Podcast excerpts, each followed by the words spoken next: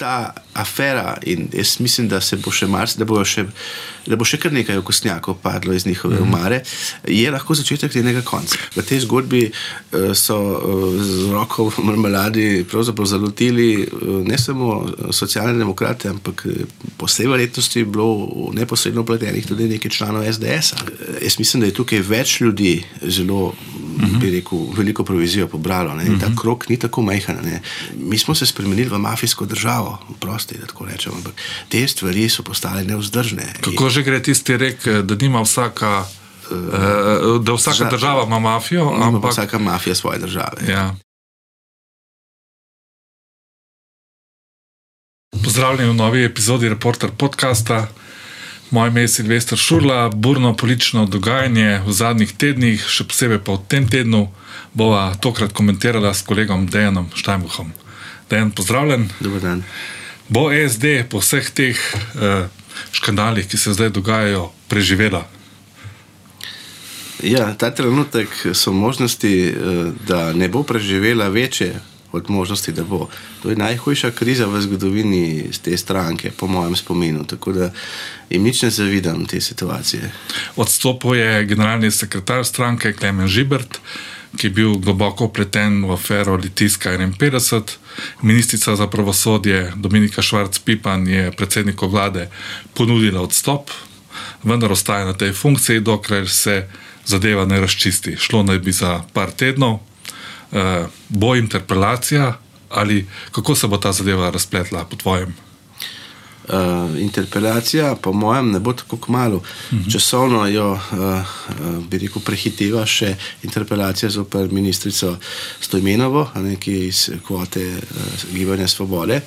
Odstop uh, generalnega sekretarja me je mogoče malo presenetil samo v tem, uh, pogledu, da je do njega prišlo že ta teden. Jaz sem mislil, da bodo poskušali izkoristiti zdaj 8. februar in neko, ta veliko podaljšanje konec tedna. Um, to pomeni, seveda, da so se domine začele podirati in zdaj je logično vprašanje, čeprav se mogoče to ta hip sliši nekoliko um, presenetljivo, uh, kakšne bodo posledice za predsednico stranke, za Tanjo Fajon, ali bo na koncu tudi ona prisiljena odstopiti. Ker neke pobude so že bile, predvsem evropskega poslanca Matjaža Nemca. On tudi eh, želi biti nosilec liste SD na letošnjih evropskih volitvah, ki bodo junija, eh, da bi odstopilo celotno vodstvo stranke. Torej, ta položaj Tanja Fajon ni tako trden. E, ugibalo se je, da bi, če bi stranka dosegla slab rezultat na evropskih volitvah, da bi kasneje e, odstopila, vendar se do tega lahko pride že prej. Ja, seveda, za njih je ključen ta timing, kot bi rekel državni sekretar Šoltes. Um, do volitev je res, da še nekaj mesecev, uh, vendar njihova volilna baza, uh, kolikor sem dobil občutek, uh, je zelo, zelo vznemirjena, je nezadovoljna in mislim, da bodo morali potegniti še kaj več kot to, da je odstopil generalni sekretar, ki bo, po mojem, se znašel tudi v kakšni preiskavi zaradi mm -hmm. vsega tega premoženja.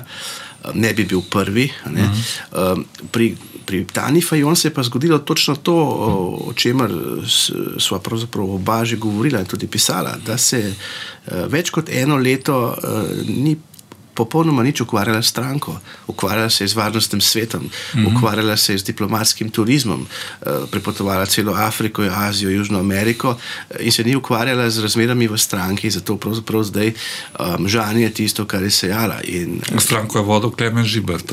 On jo je vodil kot operativec, ne kot, kot sekretar, ampak ste, niso vsi Gregori Goloviči. Klemen Žibert je znan pod zdevkom Sandvičar.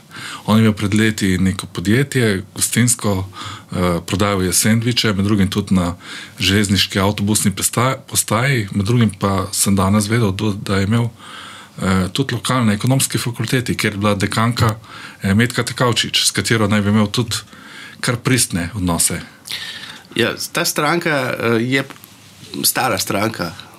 Naslednica partije, ne? pravna naslednica partije, ne? Zveze komunistov Slovenije. Tega niso nikoli uh, rekel, skrivali. Ja. Uh, ampak, uh, če poskušamo zgodovino od leta 1991 naprej upoštevati kot edino merodajno, potem je SD, poleg SDS, edina stranka, ki je še pri življenju. Uh mhm. -huh. Ampak ravno ta afera in jaz mislim, da se bo še mars, da, še, da bo še kar nekaj okostnjakov padlo iz njihove mm. umare, je lahko začetek njenega konca. Pa kaj misliš, da je bil glavni razlog, eh, da je do tega prišlo?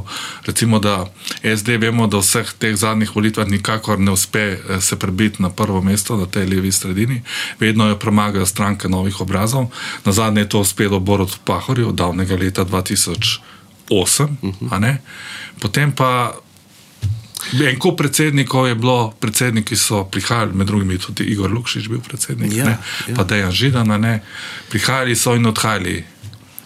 Ta stranka je pravzaprav uh, po Pahorju. Torej, nimajo rešitve, sreče. Pojavila se je pa na, na tej levi strani pa še ena uh, stranka, je Levica. Uh mhm. -huh. leta, eh, deset let nazaj, zdaj je leta 2014. Ne? In je Levica najbrž odnesla predvsem to mlajšo generacijo, predvidevam. Ja, tudi mogoče malo bolj to radikalno levo, bi rekel, mm -hmm. populacijo. In, uh, Poseda, jaz mislim, da v tem trenutku um, bi verjetno levica tudi en del njihovega razočaranega volilnega telesa prevzela. Uh, zato bodo morali res nekaj genialnega iz, izmisliti, sicer bodo imeli že na evropskih volitvah velik problem. Ampak, ko res gledam to, to zadevo, ne, je prišlo v tej stranki se je ta elita strankarska nekako odtujila od baze. Ne? Ker zdaj zadnji eh, dogodki kažejo, da močno vre po lokalnih odborih, ker ta stranka SD, pa poleg SDS-a, ima pa še zmeraj zelo veliko mrežo po celi Sloveniji. Verjetno sta to, te dve stranke edini, ki imata rekel, popolno mrežo ne, po, po celi državi. In tukaj spet, da se Tanja Fejon enostavno ni ukvarjala dovolj stranko in zdaj se je to maščuje. A je prevzel podjetniški, uh, podjetniški krok to stranko preveč? Mislim, tisti, tudi, ki se no. ukvarjajo z biznisom. Ta Klemen Žibert ne, je en tipičen tak primer, ne, zelo pragmatičen bizniser. Ne. Jaz ne bi rekel, da so oni stranko prevzeli. Oni so izkoristili to pasivnost uh, in nedelavnost vodenja. Ja. In so pravzaprav skrivaj, bi rekel, v varnem zavetju um, opravljali oziroma počeli bi rekel, te, to, uh, vodili svojo dejavnost. Ne, in kot se je zdaj izkazalo, in to ni prvič, so spretno izkoriščali tudi um, različne manipulacije pri razpisih, uh, da so prihajali do, do, do, do državnega denarja na, na ta način. Ne. Ker recimo SD v tej vladi skrbi ima pod svojo roko razdeljevanje tudi nepovratnih sredstev. Ne? Uh mhm. -huh. Če se mi da spomnimo, nekaj časa uh, sva že v novinarstvu, uh, več kot 20 let nazaj, leta 2000, je bil takrat zaradi teh nepovratnih sredstev in podkupovanja ne, aretiran državni sekretar, takrat Boris Šuštar. To je bila velika afera. Uh -huh. uh -huh. In potem v teh 24 letih se praktično kar se tiče korupcije, pa razdeljenih je bilo na milijone evrov ne, tega denarja, ne izgradilo praktično ničesar. Ne. Zdaj, najbrž eh, bi, so to pravljice za lahko noč, da se eh, pri tem eh, talanju tega denarja državnega, ne, to je pač milijoni padajo, oziroma tisoči evrov, dobesedno z neba, ne, da ni bilo kakšnih korupcijskih zadev. Ne. Ker vemo, kako te mreže delujejo in kako se lahko po nekih prijateljskih, strankarskih, političnih linijah razdeljuje ta denar. Tudi, tudi uh, po nadstrankarskih, ker v tej zgodbi uh, so uh, z roko v marmeladi zalotili uh, ne samo socialne demokrate, ampak po vsej verjetnosti je bilo neposredno pletenih tudi nekaj članov SDS. Ne? E, govoriva tukaj o Simonu Starčku. To je nek recimo temu drugorazredni politik SDS, ki je bil na, eh, na finančni upravi uh -huh. pod Ivanom Simičem, potem je pa v tem mandatu pristal na ministrstvu za pravosodje in on je imel eno od ključnih vlog pri tej aferi nakupa te podrtije na Litijski 51. Ti si tam nekje blizu doma, ne? ja. gledaš tisto stavbo. Jaz to stavbo gledam deset let, eh, če ne več propada. In, ja. um, ocenjena vrednost te stavbe je bila um, prodajala se je za 4 milijone več let, pa se nikakor ni prodala. Potem pa ne vem, koliko je to že bilo objavljeno, ampak e, e, eden od državnih organov, mislim, da je šlo za Nacionalni inštitut za javno zdravje, je pred leti se pogajal s prodajalcem, z lastnikom za 1,2 milijona. Uh -huh. um, in so se pravzaprav že bližali. Ne? Skratka, recimo, da bi se spogajali za milijon pa pol. Uh -huh. um, kakšna razlika je med milijonom pa pol in 7,7?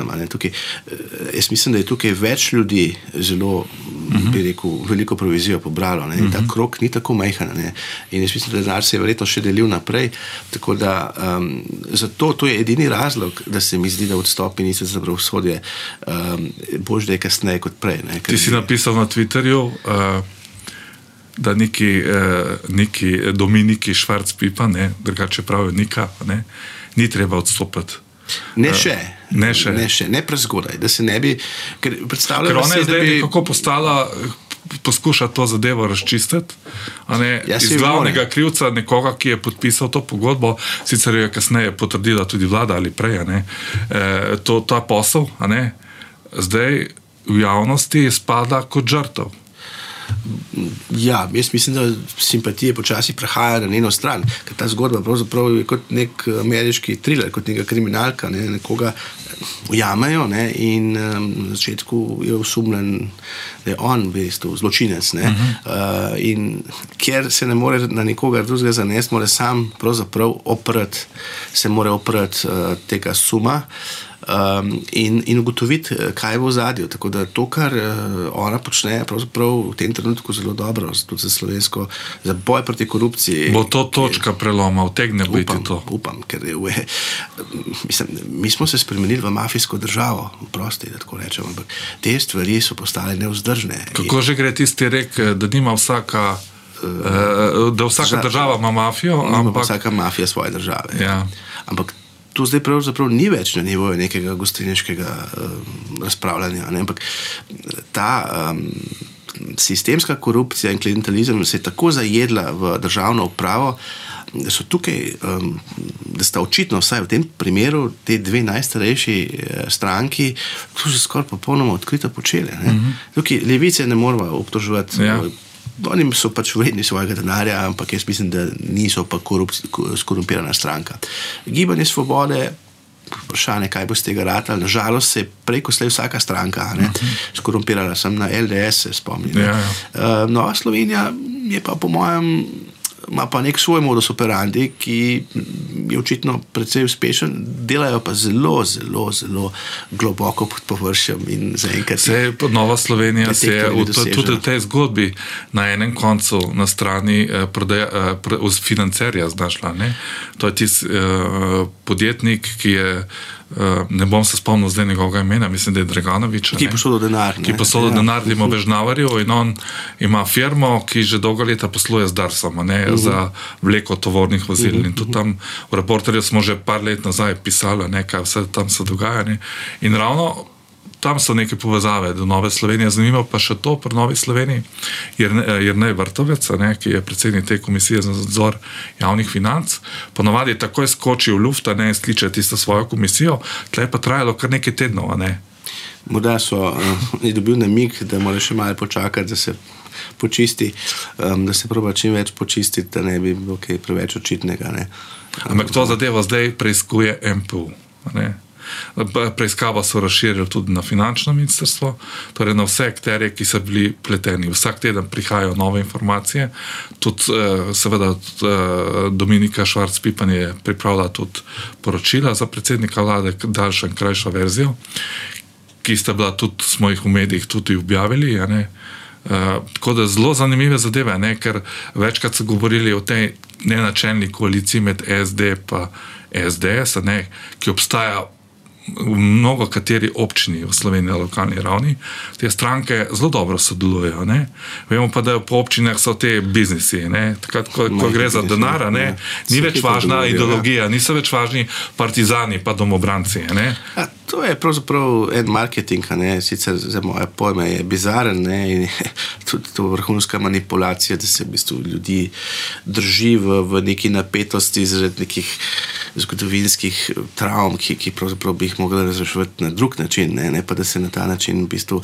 To, to je pravzaprav podobno kot v starem Rimu, kruha in niger. Uh -huh. Elita je zabavala ljudstvo, oziroma jim je metala eh, hrano in jih zabavala z nekimi traparijami, um, medtem ko so pa pač sami uživali v, v, v, v svojem svetu. In tukaj je podobno. Um, te dve stranke sta se večkrat znašle na, is, na isti strani. In, um, reči, da, bil tukaj, da nisem bil posebej presenečen, da se je. Toliko bi rekel posameznikov, ki so, ki so blizu SDS, zdaj tudi oglasilo, ampak na način, da so pravzaprav želeli, da ministrica ne mudoma odstopi, da gre, da je objektivno odgovorna, da se zadeva zaključi. Zaključi, da, ne bi, da se ne bi slučajno še kaj preveč ja. brskalo in ugotavljalo, kdo vse še je v zadju. Zato pravim, da je morda v SDS-u, vsaj v enem delu, um, da bi bilo pravzaprav za nje ljubše, da bi pomagali SD-ju, da preživi to krizo, ker z njimi se lahko dogovorijo.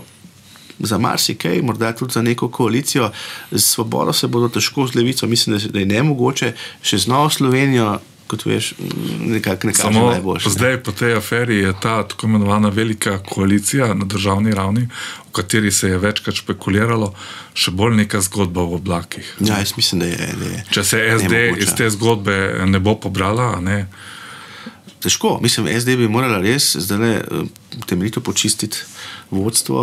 Um, jaz mislim, da bo Tanja Fajon zelo težko preživela to krizo. Uh, Um, seveda za njo bo to tudi osebna katastrofa, ker ti stavila je pravzaprav vse na to, da bi bila uh, slovenska kandidatka za Evropsko komisarko. In ta zgodba uh -huh. se zdaj podira, tako da se lahko ta uh, bolniška oziroma ta odsotnost še nekoliko podaljša. Zdaj, ne.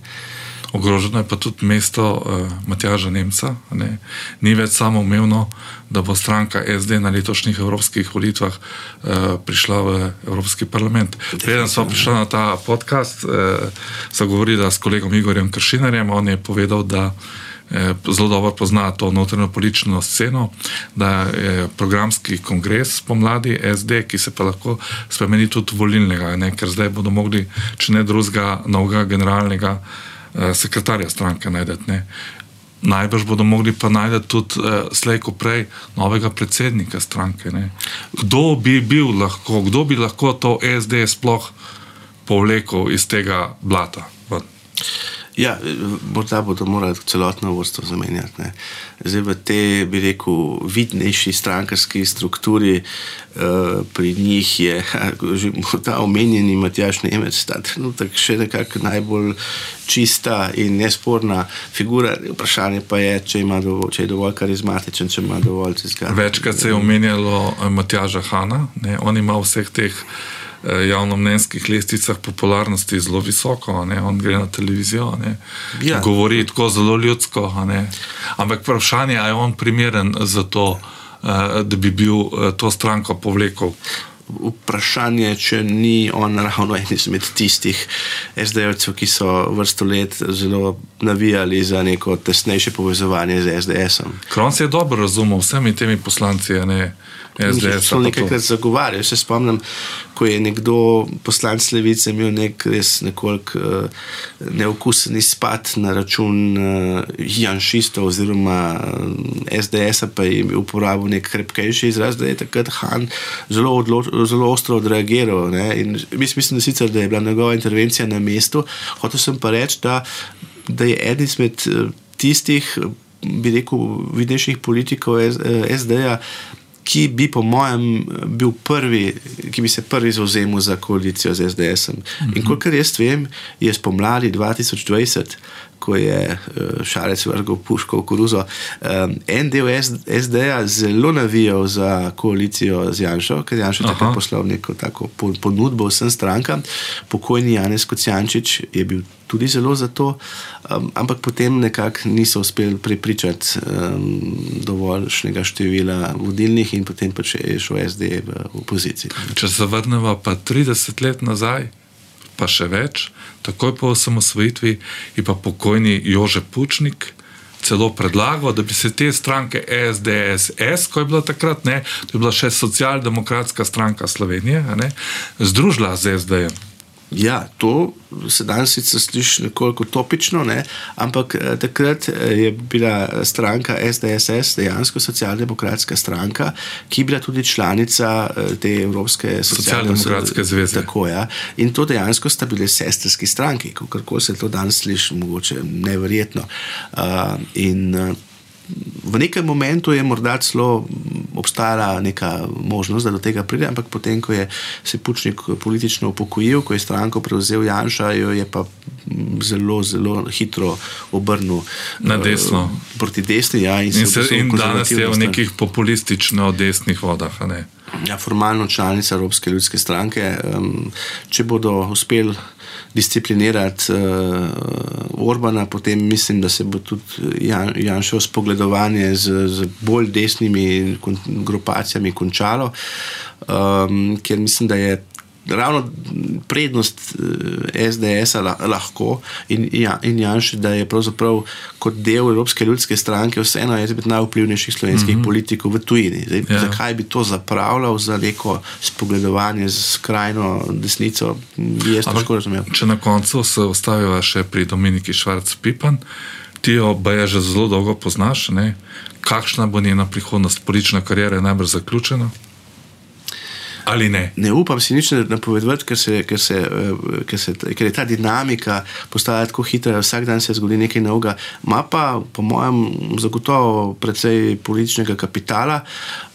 Seveda, vprašanje pa je, kako se bo na koncu se bo morala sama odločiti. Ni pa zdaj idealen trenutek, po mojem, za neke nove pobude ali ideje. Poglej, logarja, kako pravzaprav je obstal nekje v nekem praznem teku. Ne? Tako da um, v vsakem primeru pa mislim, da je pot, uh, za katero se je odločila, torej, da razčisti zgodbo, da se opere suma, nekaj, kar po mojem je prav in da je naredila in tudi ni imela dost izbire. Ne? Tukaj bo postavila piko na i. Hvala za pogovor. Prosim. Vam, dragi gledalci in poslušalci, pa hvala za pozornost uh, in slišimo se uh, čez kakšen teden.